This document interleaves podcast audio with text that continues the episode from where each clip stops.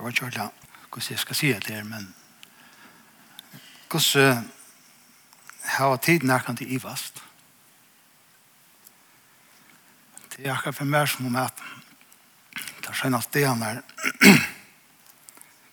så er vi ivast. Jeg vet godt at en en maur i en opposisjon som er øyreskivast. Men jeg har vært rettelig lengt nere og, og faktisk gjørst noen ting som vi ikke burde gjørst og som jeg var tidlig til vi har sendt fra meg. Jeg har ikke vært motiveret til noe som helst, bare noe som hilde meg hjemme og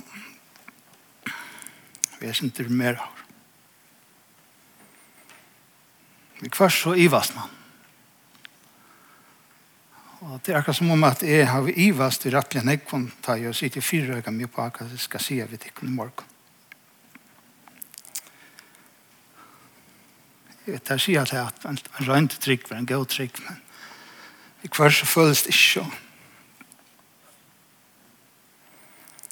Jeg husker hva er meningen vi til høyla.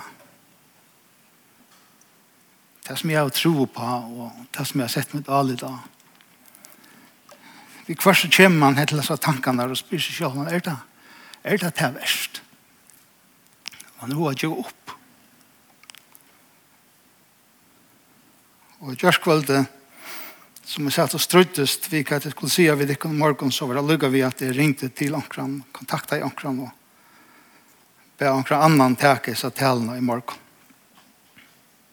Men Jeg sitter i alle natt og kjemper. Og Jeg var ikke sanger før solen kom opp om morgen. Jeg har ikke sovet lunsje, så benka jeg det av ditt nær. Petor, Petor, vakna! Maria, hva gjørs du her så tull i morgen? Ja, men han er ikke her. Han er ikke. Hvor, hvor er det ikke her? Jesus, jeg er oppe i grøna i morgen og Altså, grønnen var tom, og, og jeg møtte noen mann og nær, og, og det var jo klæven som skyna, og han skjøtte vi med at hvor løyta du etter Jesus i middelen deg deg, ja? Han, han er risen opp. Jesus er risen opp fra dem deg, og han sier, disse mennene skjøtte vi med, at jeg skulle be henne særlig halsen til tog en bæter. bedre. Hva var? En særlig halsen til tog en, og du måtte bare renne ned når jeg sier det da. Wow, dette brøtte i alt. Hetta i alt. Og i løy. Jesus var risen opp. Og alt det som jeg har tro på, allt det som jeg var vi at missa mine vän om allt det som jeg var vi att att att bläka fram här det var satt Jesus han levde Jesus var risen upp för att og deg. dig och tar röpt i halleluja og i munnen hjärsta. Og det undrar i meg, ta Maria kom og sier etter vimme, at, at steineren var utlaver fra grøvene, og at grøven var tom. Men det som virkelig rørte mot hjärsta, var hettar at Jesus heier en særlig høssan til moin. At Jesus heier en særlig høssan til min. Hvor til min? Hvor ikke til Johannes? Lærersvøyner som Jesus elsker jeg. Hvor til min? Jeg som har svidt ham. Jeg som har avnoktet ham. Jeg som har steg i, i, i høvesprestagæren og banna opp på at de kjente han ikke. Hvor skulle Jesus senda en særlig halsen til min. Jeg var bare så glad for til jeg innast inne visste jeg at jeg han sier til jeg at jeg var fra Jesus. Jeg sa kærløygan og i egen hans er at jeg kvølte ta og jeg avnakta i han og i gæren og til høvespresten og han hukte etter meg det er noen egna breie som bare fortalte meg til her at åtta han om til hva de har gjort, så elsker jeg ham med. Jeg visste at ønsken annar enn Jesus selv kunne senda meg hans hals. I rand at dyraste jeg var mentor. ut til grøven at jeg ville sutja vi egnan eion at det som Maria har sagt var rett. Johannes, han rann øysene, og han iverhala i meg av vei ut til grøvene. Det er ikke nek som Johannes klarer bedre enn det. Men er henne til Dora. Da jeg kom til grøvene, stod Johannes her. Han hukte inn i grøvene. Og han tar det ikke for inn. Han er alltid ved igjen.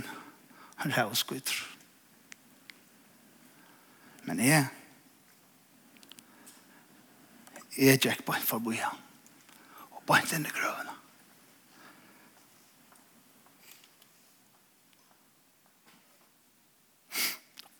Vi fant akkurat så som Marie har sagt. Steineren var rotlaver fra. Grøven var tom. Og her la og lynkleiene til hver som om at han var fordampa vår urtheim. Og så leie meg ikke til at jeg svarta dogren. Han var lagt til skjema. Og lagt til et annet sted for seg selv. Han hukte seg meg selv. Det var da løy at god, at herre herrene og konger kongene som just hei veri nere i degarøyken og fria fengar ut, skulle gjøre seg her tog til at han tek enda svarta dødgen og legger han saman og et sted han fyrer seg sjåla. Akkurat så som han kom til å funnet på gjørst.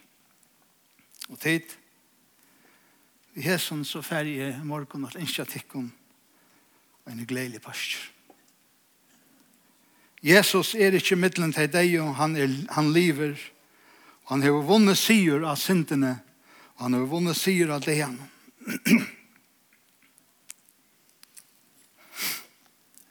Et øyre vil en feste dæver hver tid i dag.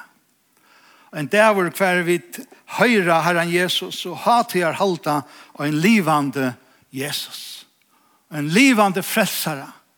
En livande herre som får ut dejan fyrir okkon.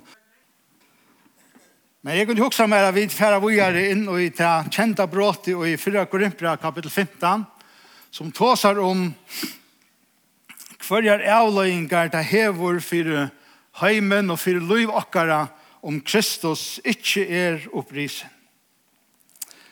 Kristendommeren er en ørlig særstak religion, om vi må kalla det til, eller en trygg, som er baseret på ikke bare en person, ikke bare lærerne av en person, men som er baseret på et under.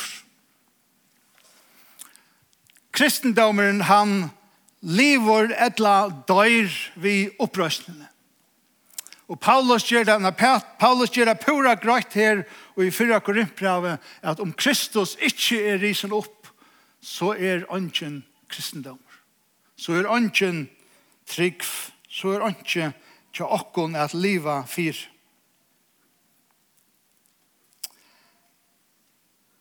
Og tar vi leser jøkken dette bråtet i 4 Korinthia kapittel 15, så sørger vi så kunne vi huske åkken at Paulus brukte i hendene kapittelen for at argumentera fyre at Kristus er risen opp. Men det er ikke det som han gjør.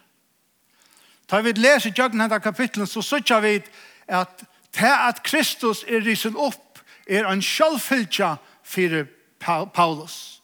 Og er en sjølvfylkja fyrir det som han skriver til. Det som han argumenterar i hesson bråten er ikke om Kristus er risen opp, men om det er en opprøyst at han har deian fyrir okken. Og han brukar ikkje okkara uppreisen til å prekva uppreisen Jesus er, men han teker uppreisen Jesus er, som fyrir honom og hans er lustar hon er en sjálffylkja og nekka som öll tro på og sier at om Kristus ikkje risen opp, eller om, om ønsken uppreisen er fra deian og vi ikkje skulle rysa opp en dag, men så er Kristus heller ikkje risen opp.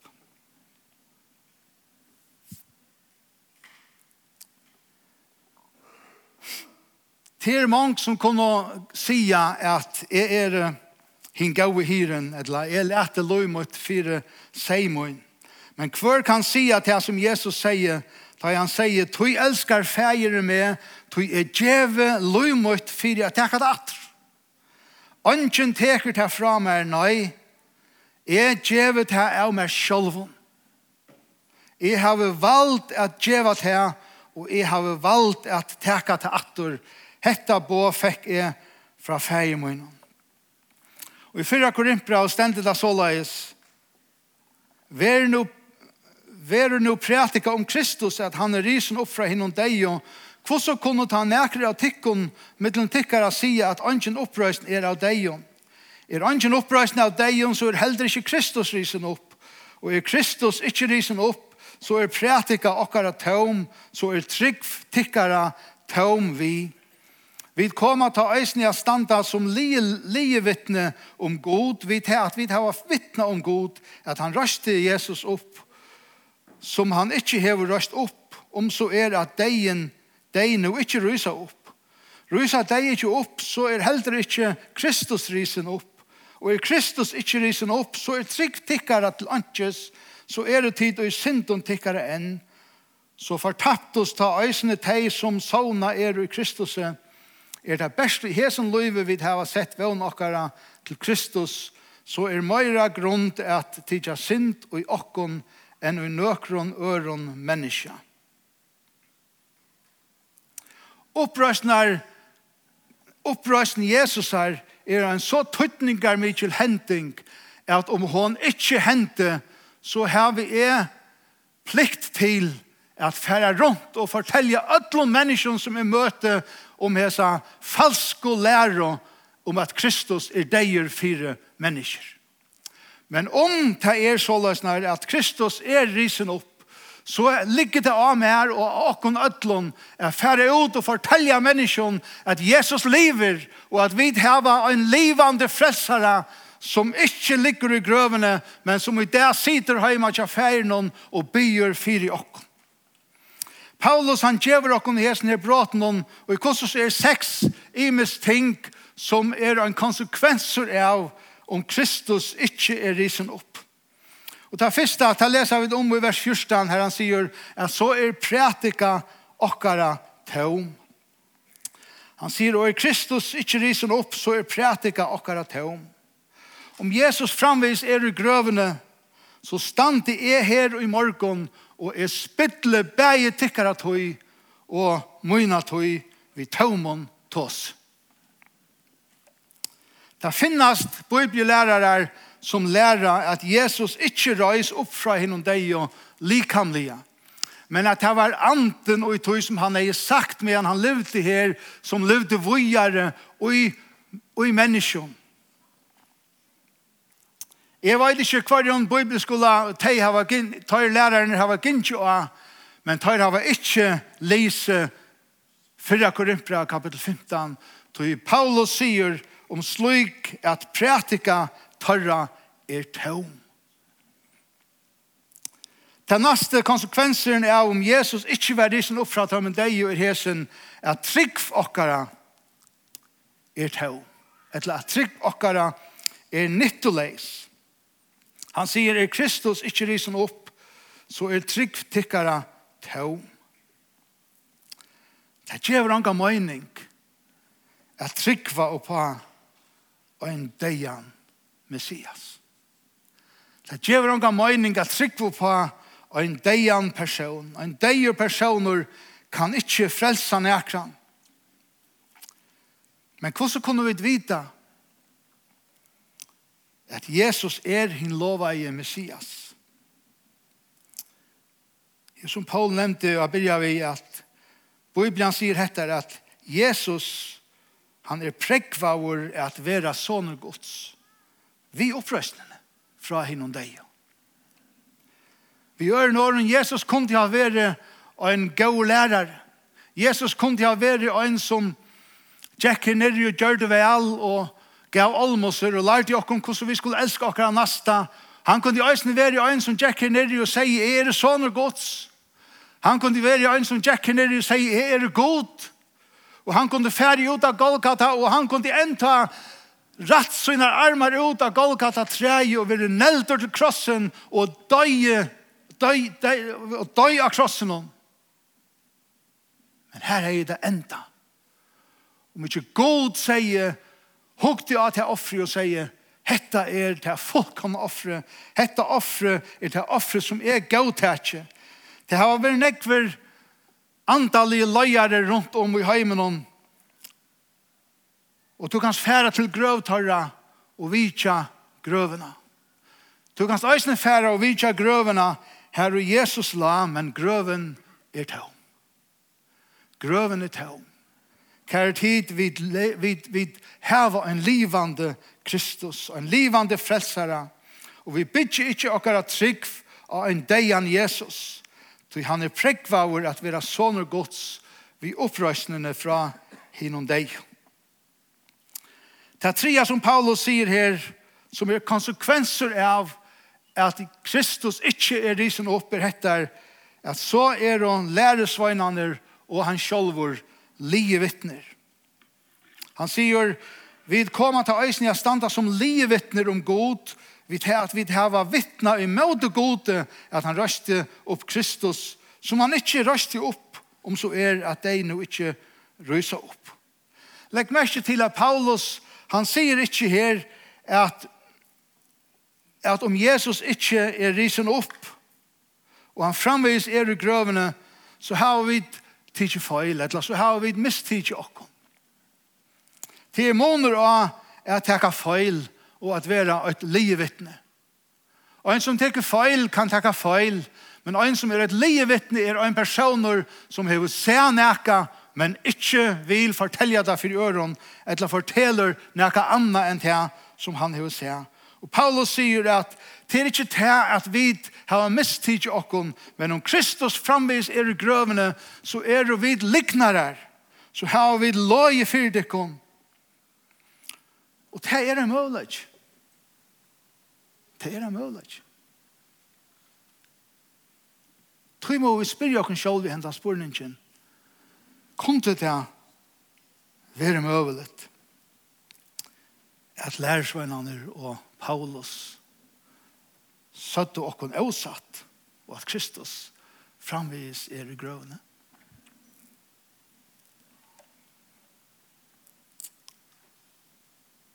Hva felt du tar finnes bort ord jeg fortalt denne slik av lik. Tar du finnes til bort ord at tar du vært forfilter, tar du blir pulsla der tar høyt og være bleka i fire løvene og brenter av bal.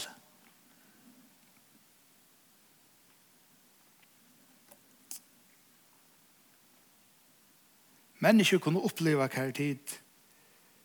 Eller mennesker kunne finne på at likva for jeg slipper undan trobleik. Men jeg kjenner jo alle få mennesker som likva for jeg få trobleikar.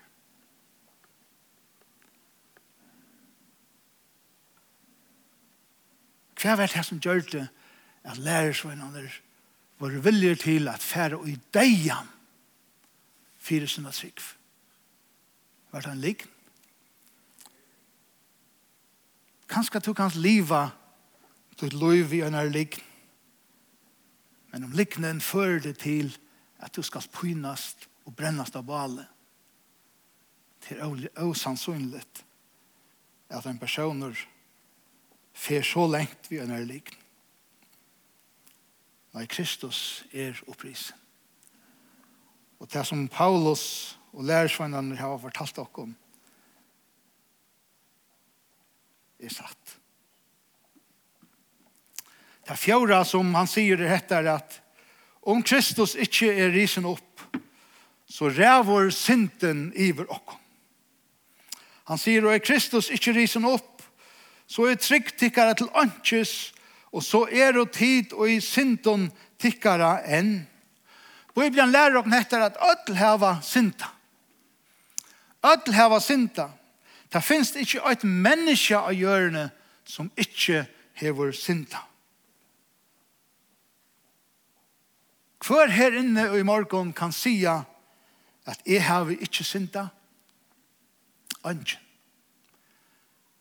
Det er ønsken her inne som tårer rette handen opp og sier at jeg har vi omkant og synda. Vi har alt synda. Og Bibelen sier dere at lønnen som synden gjør er deien. Men om Kristus er risen opp, om Kristus ikke er risen opp, så er vi og i synden okkara framvegis. Og vi har ånka vøvn onka vøvn om fyrtjøving. Onka vøvn om fyrtjøving. God kan ikke suttja i middelen fingrar vi sint. Anna kvørst, så døy Jesus og røys oppator og er bjergkynken og gjalte fyri okkara sint. Etla er og vit og i synden okkara framvegis og til ønsken vøn fyrir okkom. Det øyneste vi kunne forvanta er at liva okkara loiv hera fold lo eldre og eldre enn til vi øyna fyrir dodja og så er ønsken meir. Hvordan hvordan prekvaie Herren Jesus at han var han som han sier seg av. Han kunne være en, en religiøs fanatiker som ble krossfester. Det ble nekver religiøse fanatiker krossfester i Israel og i Jerusalem. Men hvordan vidt vi at God hever til Jesus som hitt fullkomna offre for synd. Jo, det er bæra vi opprøsnene ved at han røsti han opp fra hinnom deg. Han sier i Rønbraun kapittel 4, vers 25, han som given vær fyrir misbrott okkara og røster opp okkon til rettvistgjering. Han som given vær fyrir misbrott okkara Det er godt ikke enda her. Man sier, og røst for opp okken til rattforskjering. Det er femte som Paulus sier her, som er en konsekvenser av om Kristus ikke er risen opp i rettar, at så rævor deien iver okken. Han sier, så fortatt oss ta øsne teg som sovna er og i Kristus. Kanskje du hever en ommo etla en appa, en mamma etla en pappa, en bodja etla en syster etla en vin som er deier. Om Kristus ikke er risen opp fra dem og deier, så kan du glemme alt om et suttet teater. er dæpust. Det er vøvnlest. Så er det eneste som vi kunne gjøre er at blua sjukare og sjukare til vi øyne for dødja og være eten opp av ormen. Er det henne noe vel? Er det han ikke at livet fire?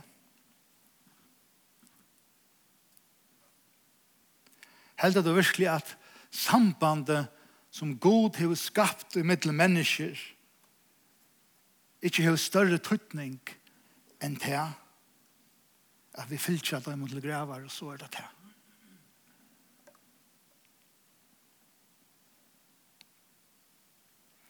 Vi har en en god tradisjon i förrjum og sikkert är det vi att har vi fyllt av en person till hans sista kvällarstad så färar vi fram och vi lägger händerna och kisterna och vi huxa om hendan personen.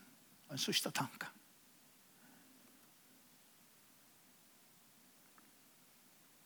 Vi har jo en pappa hjemme i himmelen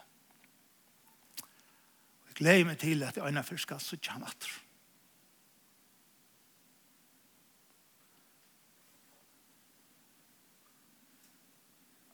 Jeg har en versfeier som jeg har stor respekt for, som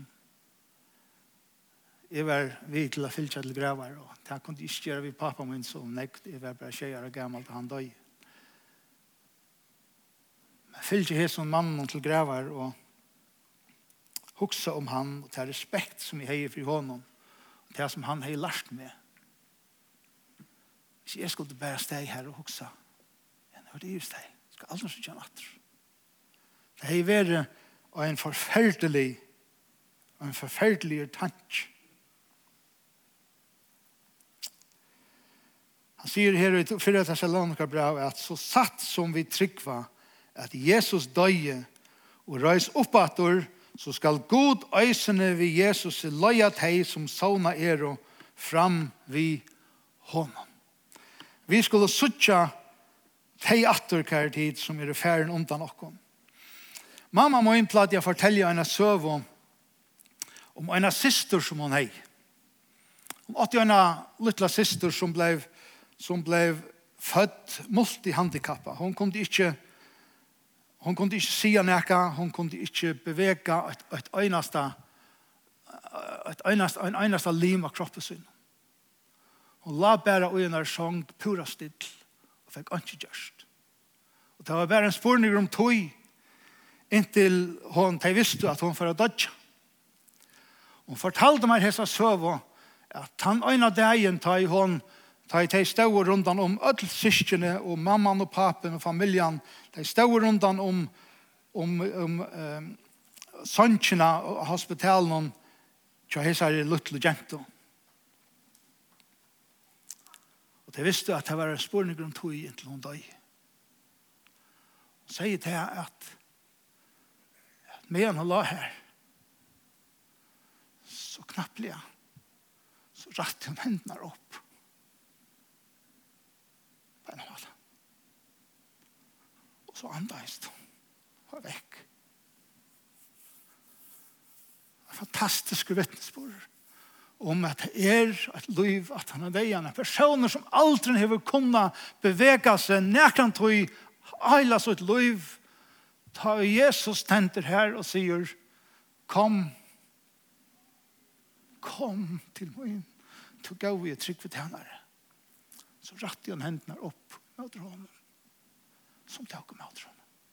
Kär tid, vi har en vön till vi har en livande frälsare. Vi har inte en frälsare som ligger i grövna, men vi har en livande vön om att vi ena för skulle suttja han og han skal teka okkon heim til søyn, og alt hei som er færen undan okkon, hei skulle vi møte attor, tog at Jesus er opprisen, og han lever. Jesus tog brodden av syndene, og han tog brodden og rasslene ur deian. Og innanfor i framtøyene, så var det to et leie som skulle inn i deian.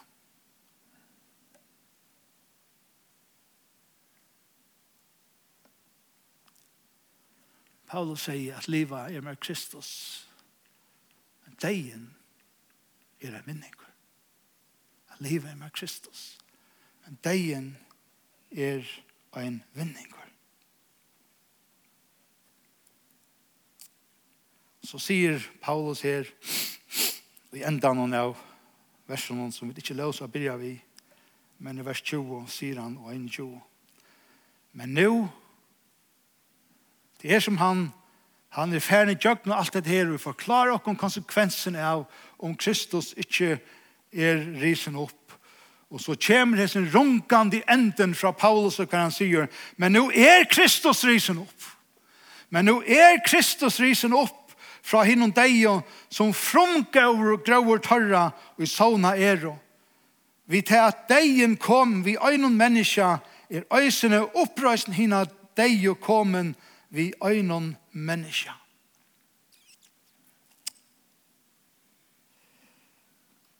Hvert er tøyn framtøy? Hvert er tøyn framtøy? Hvert sitter tøy tøyt og alle i dag? Er tøyn framtøy døper? Om ikke, om ikke Kristus er risen opp, så er han til.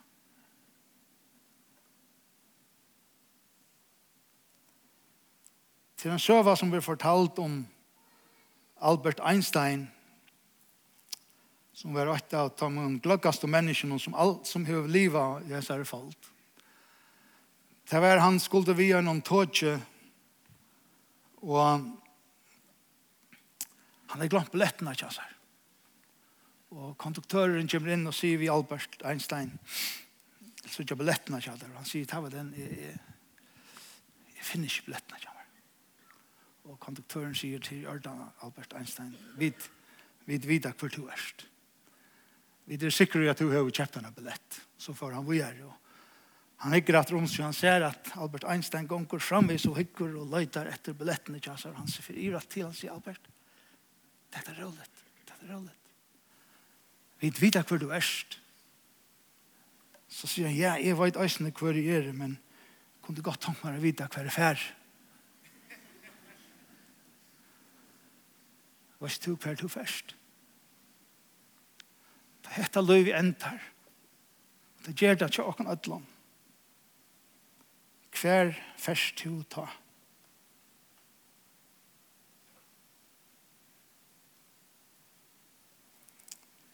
Hev du finnes sinter tøyner, fire djurner. Hev du tro av Herren Jesus. Hev du lite til løyve i til han, og tidsi møter hånden i løyve tøyner, som tøyner frelsere. Om du hever gjørst her, så er framtøy tøyn bjørst. Så er prætika okkara ikkje tøm. Så er trygg for okkara ikkje tøm. Så er vittnesbord okkara alløydande. Så ræver synden ikkje langkur iver okkom. Så er deien sikraver. Og så er framtøyen ljøs.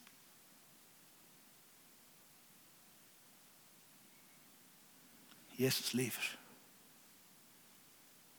Jesus lever. Spurningen er livet to.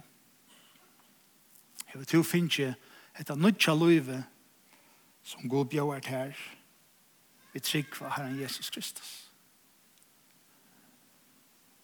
Det så elsker jeg god heimen at han gav sånn sånn hinn øynbarna for jeg kvørt han som tror han ikke skal fortapast, men heva et evet liv. Hever du finnes ikke etter evige livet,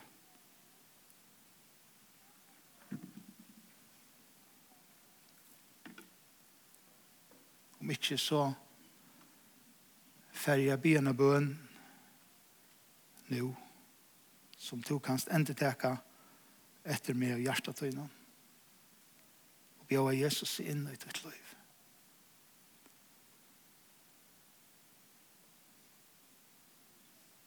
Herre Jesus, takk for at du døye av krossen. Jeg vet at jeg er ikke et godt menneske. Jeg vet at jeg har gjort synd. Og jeg vet at Årgods forteller meg at synden hun skiler meg bort fra det her. Men takk for det god at du sendte din son Jesus Kristus nere i hendene heim at takka min døm takka mina synd og takka mina straff. Jeg gjør mitt liv til tøyen. Jeg bjøvet her inn i mitt liv. Og jeg bjøvet her at være herre i liv mine. Amen. Om du ber hessa bøn sammen med vi med i morgen, så, så kunne vi huksa kanskje ta seg vidt i attene. Og og du har noen spørninger, så kom endelig og spyr. Men kjære tid, Vi sutja sin trist ut, æsni er alt ekkert vann men lett dere smulast, let okon gleast, let okon heva hendan dagen, tar vi færre heim i det, og vi færre set okon vi båre at etas, let okon gleast, og sida vi kon annan, Jesus lever. Jesus lever. Han er ikke en deir frelsare, han er en livande frelsare. Og vi kommer å lyta av han i ødelen liv i okkar og ødelen tog som vi gjør i liv i okkar. Herren signa sitt år til oss. Amen.